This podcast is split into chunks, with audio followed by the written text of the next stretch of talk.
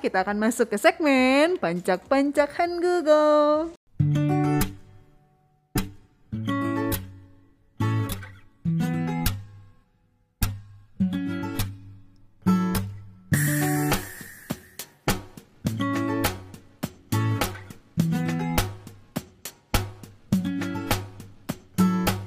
Iya, jadi untuk mengungkapkan kata kita dalam bahasa Korea itu dalam bahasa Korea disebut dengan uri. Uri sarang haji marayo. Oh, ya jadi itu untuk uh, kata kita itu sendiri kita bisa artikan sebagai uri ya kalau dalam bahasa Korea. Nah penggunaan uri ini itu uh, bisa kita pakai dalam situasi formal ataupun juga non formal gitu. Maksudnya gimana? Maksudnya misalkan kita ngomongin tentang uh, kelompok kita sama teman-teman kita sendiri ya teman-teman berarti kan yang seumuran lah anggap nah itu uh, berarti kan kita nggak harus pakai situasi atau tidak ada dalam situasi formal ya. Kalau ngobrolnya bareng sama teman-teman situasinya non formal itu kita bisa pakai kata uri untuk menyebutkan kita Nah, begitupun juga kalau misalnya kita lagi ngomongin tentang kelompok kita, di mana yang kita ajak omong itu adalah misalnya atasan kita gitu. Nah, sebenarnya kan kalau sama atasan harusnya jadi lebih formal gitu ya, atau lebih segan lah gitu sama atasan. Nah, tapi kita tetap bisa menggunakan kata uri ini kalau emang katakan tentang kelompok kita bareng sama si atasan kita itu gitu. Ya, jadi uri ini bisa dipakai dalam situasi apa aja, bisa untuk formal ataupun juga non formal. Ya, misalnya nih penggunaannya, misalnya Junsi nanya ke Grace, mm -hmm. uh, "Uri bangsongen ilgop sih kena jo Yang artinya uh, siaran kita selesainya di jam tujuh kan gitu. Nah, ini kita berarti kan termasuk eh, uh, Junsi juga sama Grace juga ya, pembicara dan juga lawan bicara. Itu disebutnya kita. Kita bisa pakai kata uri Nah, terus kalau untuk kata kami, nah kalau kami kan berarti dia uh, cuman bagian lawan bicara dan konco-konconya dan teman-temannya gitu ya. Dan kelompoknya tuh berbeda dengan yang si lawan bicara gitu. Jadi lawan bicaranya nggak diajakin nih, cuman si pembicara dan juga teman-teman yang di belakangnya dia gitu. Hmm. Ya nggak di nggak termasuk dengan lawan bicara itu berarti disebutnya kami ya kan? Hmm, iya, iya. Nah, kalau kami ini berbeda untuk bentuk formalnya dan juga non formal. Nah, di mana kalau misalnya mau nyebutin kami tapi non formal itu sama dengan kita, yaitu kita bisa pakai uri tadi hmm. untuk menyebutkan kami dalam situasi non formal gitu ya misalnya urit cinggu gitu ya nyebutin ke temen uh, temen yang si A misalnya teman kita kita mau ngomongin tem tentang temen kita yang B bukan temennya si A ya si B itu misalnya berarti kita bisa nyebutnya urit cinggu walaupun itu uh, non formal karena itu non formal gitu tentang antara teman gitu kan. Hmm. Nah, tapi kalau misalnya mau menyebutkan kata kami dalam situasi formal ya, misalnya ke yang lebih tua deh, misalnya apa ya? Ke atasan atau ya ke atasan deh misalnya paling gampang ya ke atasan. Terus situasinya formal terus mau nyebutin kami misalnya kami para staff di sini gitu ya nyebut ngomong ke atasan gitu tentang hmm, kami para hmm. staff di sini misalnya. Nah itu uh, berarti kan si atasannya nggak diajakin ya karena tentang nyebutin tentang para staff bukan para atasan gitu. Hmm. beda gitu. Nah itu situasinya juga formal berarti jangan pakai uri melainkan pakailah choi choi tulisan choi ini adalah menggunakan uh, jiet o-nya o-nya ber, o berdiri ya cho dan hi-nya menggunakan hiat plus huruf e. Cho hei gitu tulisannya hei, hiat dan e gitu. Tapi karena si huruf e ini kalau misalnya ditaruh di belakang dan bukan merupakan artinya kepemilikan, berarti e-nya ini dibacanya sama seperti e di tengah, yaitu dibacanya seperti huruf i. Jadinya dibacanya choi. Hmm. Ya, makanya kalau kalian perhatiin uh, untuk yang dibacanya Choi itu bukan tulisannya CHOI ya sebenarnya. Sebenarnya kalau tulisan CHOI itu kalau dalam Hangul itu dibacanya Chue. Ya tulisan CHOI nama orang misalnya Chue Siwon gitu kan. Hmm. itu dibacanya Chue yang benar ya, bukan Choi, Choi ya. Choi. Hmm, kalau Choi mungkin uh, apa namanya pelafalan dalam nama internasional hmm. atau nama barat gitu kan dibacanya sesuai tulisan yeah. alfabetnya ya coy hmm. gitu. Tapi kalau dalam Hangul dibacanya bukan coy tapi cue. Hmm. Ya, jadi kalau yang dibacanya bener-bener coy itu adalah si coy ini hmm. gitu yang artinya adalah kami dalam bentuk formal.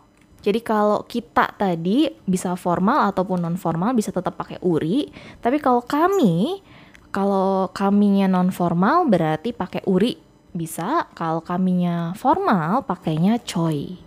Gitu. Oke. Ya, jadi berbeda. Ini untuk kami formal atau non formalnya berbeda. Aku sering denger tuh yang uri di drama-drama Korea gitu. Jadi kayak Mhm. kalau ngomong anakku gitu kayak Uridel ya kalau nggak Ah, salah ya. Uri adel. Uri adel ya. Nah, Iya, anak iya, laki-lakiku jadinya. Iya, sering banget denger gitu. Mhm. Iya, di drama-drama. Iya. Nah, kalau yang seperti itu tadi yang seperti yang contoh disebutkan sama Grace tadi uri Mhm. adel misalnya. Mhm. Nah, itu ada eh, bentuknya sendiri gitu. Kalau untuk uri Oh, adel oke. atau uri oma, Hmm, iya benar, Uri Oma, uri, Uri jip apa? gitu Hmm. ya, uri jip.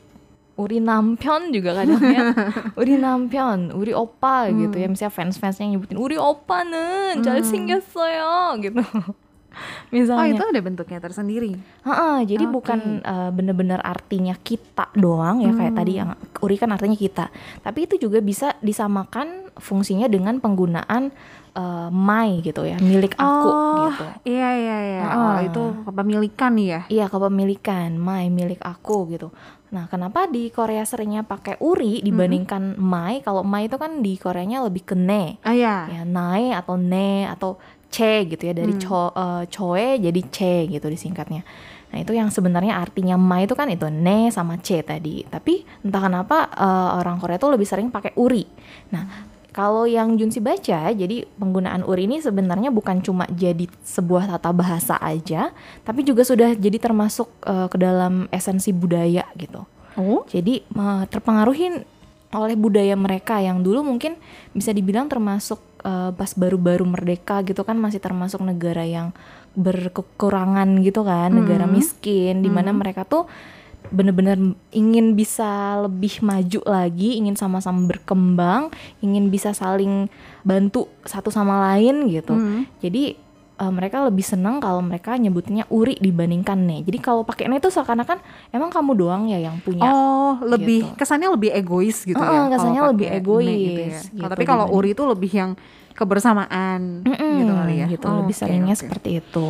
Ya seperti tadi uri jeep gitu. Karena kan di situ eh, terutama untuk yang kayak jeep itu kan bukan cuman satu orang yang tinggalin ya. Hmm. Pasti eh, rumahnya bukan cuma rumah satu orang aja, tapi rumahnya ayahnya juga, rumah ibunya juga, rumah adiknya juga gitu. Disebutnya uri jeep. Terus oma juga walaupun omanya satu orang tapi kan anaknya mungkin lebih dari satu atau mis- misalnya omanya itu juga bagian dari keluarganya keluarga ibunya juga, keluarga si apa istrinya si eh, suaminya juga gitu, bukan cuma milik si anaknya doang gitu. Jadi sebutnya uri oma.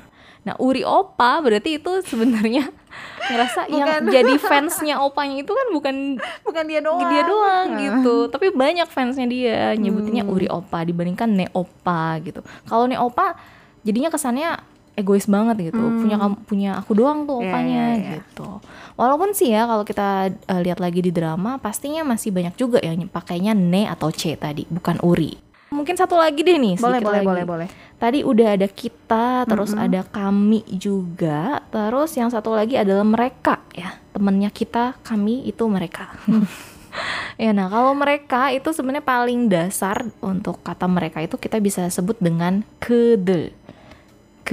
Kedel. Ke yang artinya sama kayak kenyo atau ke kemarin ya kita sudah bahas yang artinya dia gitu kan. Mhm. Nah, kalau eh, ke-nya itu artinya dia, tambahkan bentuk del di mana del itu adalah bentuk jamak atau bentuk plural. Jadi dianya tuh banyak gitu. Hmm. Dianya bukan cuma satu, jadilah satu kelompok orang kita sebut dengan mereka. Makanya jadilah kedel. Gitu. Itu eh, bentuk paling dasar dari kata mereka.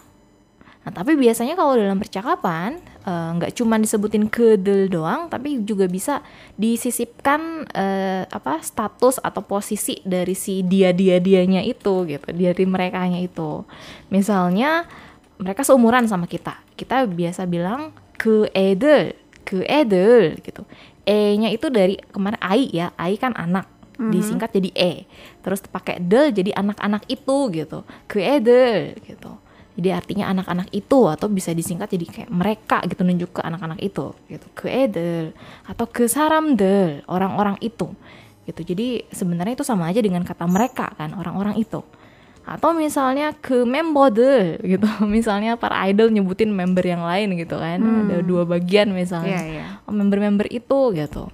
Jadi bukan cuman kedel doang yang artinya mereka tapi bisa diartikan banyak sesuai dengan eh, yang mau disebutin misalnya posisinya kah atau statusnya kah gitu Hmm. itu untuk menyebutkan mereka